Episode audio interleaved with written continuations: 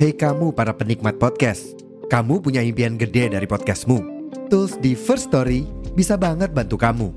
Mulai dari F-Link, Dynamic Audio Insertion, sampai statistik yang komprehensif, semua ada di First Story. Gak ketinggalan, kamu bisa monetisasi podcastmu lewat iklan dari First Story Ads yang bisa kasih kamu penghasilan dari setiap place podcastmu. Yuk gabung sekarang dengan klik di firststory.me. Sekali lagi, di firststory.me. Mari kita bawa mimpi podcastingmu menjadi kenyataan.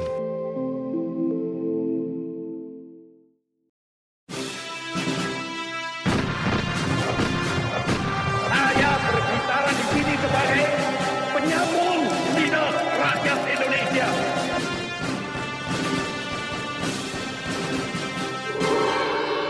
Hai, terima kasih sudah memilih mendengarkan kami, Poseidon, podcast yang bikin kalian gagal move on. Halo dan selamat datang di konten paling random podcast dari Indonesia di luar kelas. Tempatnya sedang tidak jelas bersama saya Gar Kananta. Sepak bola Indonesia cukup ramai belakangan ini. Setelah kemarin sempat gagal masuk babak 16 besar Piala Asia, ternyata timnas Indonesia tuh bisa bangkit lagi ya. Dibangkitkan sama Kirgistan. Lolos berkat usaha negara lain tuh aneh banget ya. Tapi untungnya kita nggak perlu berlama-lama merasa aneh karena langsung kalah ya ternyata. Lawan Australia jadi sama saja. Lagian ngapain sih Australia ikut Piala Asia ya? Nggak punya temen ya dia tuh kayak ibarat anak kampung sebelah yang tiba-tiba tuh ikutan lomba 17-an di desa kita gitu. Karena di tempat dia tuh nggak ada yang adain lomba gitu. Panitianya udah pada tua-tua ya. Ya nggak apa-apa lah. Walaupun timnas kita tuh kalah, seenggaknya masih bisa jadi untung buat venue yang ngadain nobar. Sayangnya bukan cuma jadi hiburan, sepak bola itu juga sering kali jadi sumber perseteruan yang sebenarnya sangat bisa dihindari.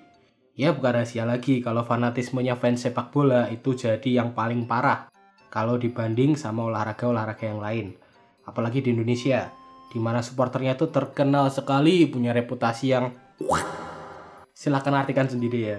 Tapi serusu-rusunya supporter Indonesia setidaknya belum pernah bikin kita perang sama negara sebelah. Perang beneran loh ya, kalau perang di medsos tuh sering sih. Tunggu dulu, emang beneran ada negara yang pernah perang gara-gara sepak bola? Jawabannya ada. Dan episode di luar kelas kali ini kita akan cari tahu sama-sama.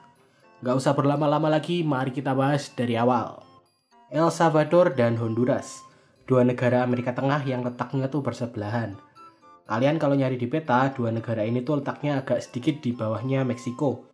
Jadi selatannya Meksiko tuh kan ada negara Guatemala, terus bawahnya lagi itu baru ada Honduras sama El Salvador. Dua negara ini juga punya hubungan yang cukup unik. Walaupun ukuran Honduras ini sekitar 5 kali lipatnya ukuran El Salvador, tapi kenyataannya jumlah penduduk El Salvador ini tuh lebih banyak daripada penduduk Honduras. Karena hal ini sejak awal abad ke-20 atau tahun 1900-an ya, banyak warga El Salvador ini tuh yang mulai bermigrasi ke wilayah Honduras dalam jumlah yang besar. Mereka biasanya adalah petani yang kemudian pindah ke Honduras buat cari lahan untuk ditanami. Pada tahun 1969, populasi El Salvador adalah 3.700.000 orang, sedangkan Honduras ini cuma 2.600.000. Dengan penduduk ilegal yang pindahan dari El Salvador tadi itu tuh mencapai 300.000 sendiri, atau sekitar 10% dari total penduduk Honduras. Hal inilah yang kemudian memicu terjadinya konflik antara dua negara ini. Honduras dalam periode 1960-an ini tuh memiliki kondisi seperti banyak negara Amerika Tengah lainnya, yaitu kepemilikan tanah di negaranya ini adalah mayoritas punya perusahaan-perusahaan besar. Dan untuk konteks Honduras ini adalah United Fruit Company, yang sesuai namanya yang merupakan sebuah perusahaan besar yang memproduksi buah untuk diekspor. Perusahaan ini tuh sangat besar dan total keseluruhan kepemilikan lahan di Honduras ini tuh sampai 10% miliknya mereka. Gila nggak tuh seberapa luas coba lahan mereka? 10% kepemilikan tanah di Honduras tuh punyanya dia.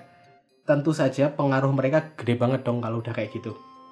Di tahun 1963, Honduras kemudian mengalami kudeta militer yang besar dan menjadikan Jenderal Osvaldo Lopez Arellano sebagai presiden yang baru.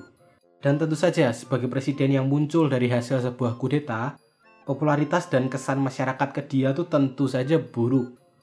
Kira-kira apa ya yang bisa dia lakukan untuk memperbaiki bukan cuma popularitasnya dia, tapi juga kondisi negaranya yang lagi berantakan. Benar sekali, nyalahin kelompok minoritas sebagai penyebab segala permasalahan yang terjadi. Cara ini sangat ampuh ya karena sering kali dipakai dalam sejarah. Hitler pakai cara ini, Idi Amin di Uganda juga pernah pakai cara ini, Suhar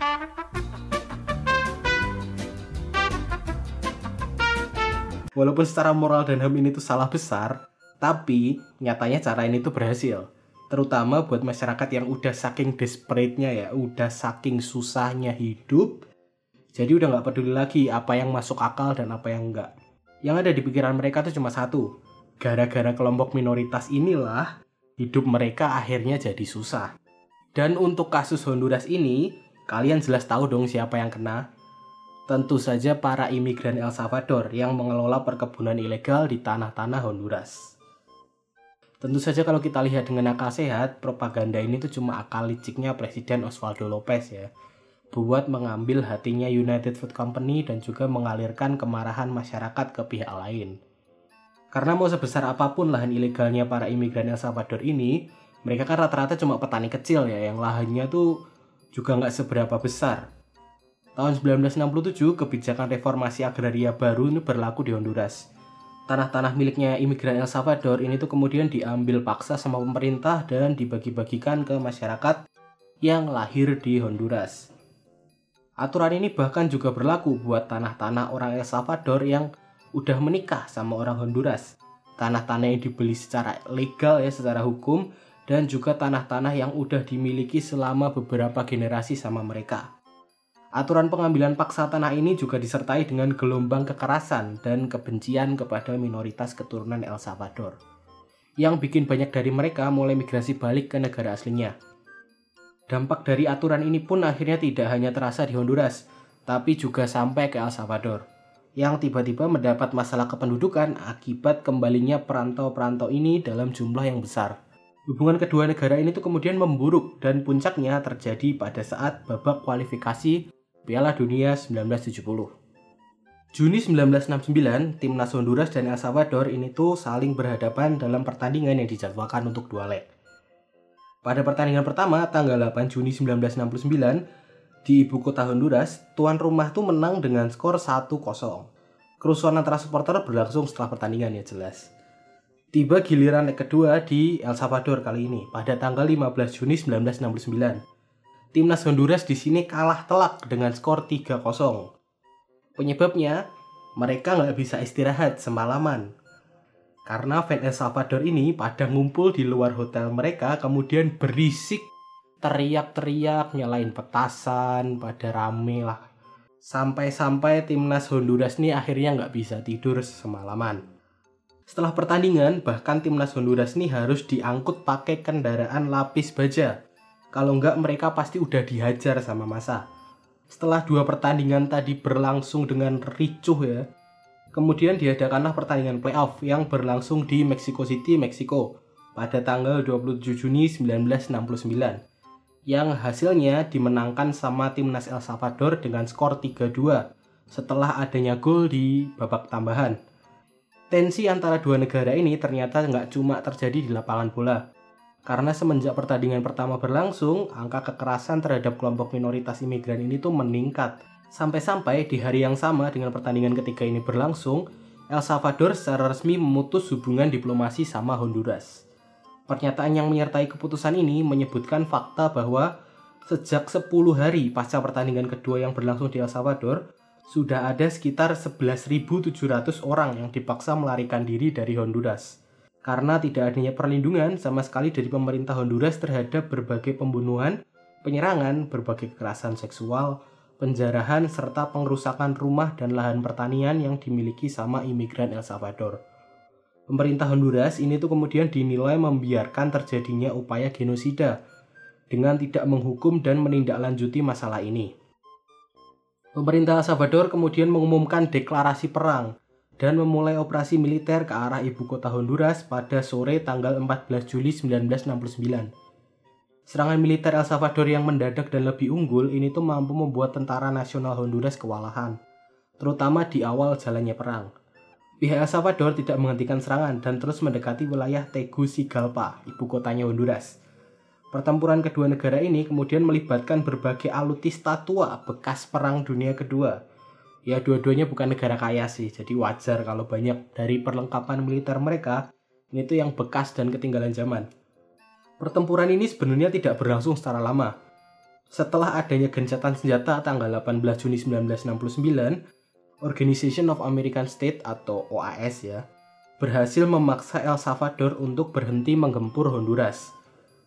Tapi secara resmi pasukan El Salvador ini tuh belum mundur kembali ke negaranya sampai tanggal 2 Agustus 1969. Itu pun setelah mereka tuh diancam sama OAS ya bakal kena sanksi parah kalau nggak segera mundur dari Honduras. Faktanya, perang ini cuma berlangsung selama empat hari. Itulah kenapa selain dikenal sebagai football war, perang ini juga dijuluki sebagai perang 100 jam. Karena memang cuma segitu lamanya mereka perang. Akibat dari perang ini juga cukup besar. Dari segi korban jiwa ada sekitar 3.000 orang yang meninggal dari dua pihak.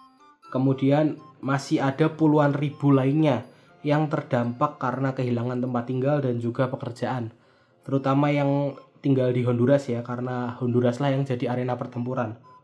El Salvador yang kemudian penduduknya ini membludak ya juga akhirnya berdampak pada permasalahan sosial dan ekonomi jangka panjang yang berakhir dengan pecahnya perang saudara sekitar satu dekade setelah kejadian ini.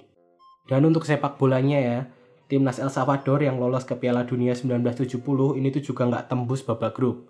Mereka kalah tiga kali jadi nggak ada untungnya sama sekali sih perang ini sebenarnya. Gimana menurut kalian? Siapa yang lebih benar? Pilih Honduras atau El Salvador? Silahkan tulis pendapat kalian di kolom Q&A atau kolom komentar, sesuai dengan platform tempat kalian mendengarkan. Terima kasih udah dengerin sampai habis. Kalau punya kritik, saran atau ide bahasan, silahkan kirim ke Instagramnya Poseidon di @podcast Indonesia atau ke Instagram pribadi saya di Roti Kecap. Jika ada kesalahan, saya mohon maaf sebesar-besarnya. Saya Eka Kananta pamit. Sampai bertemu di konten Poseidon yang lainnya. Bye-bye.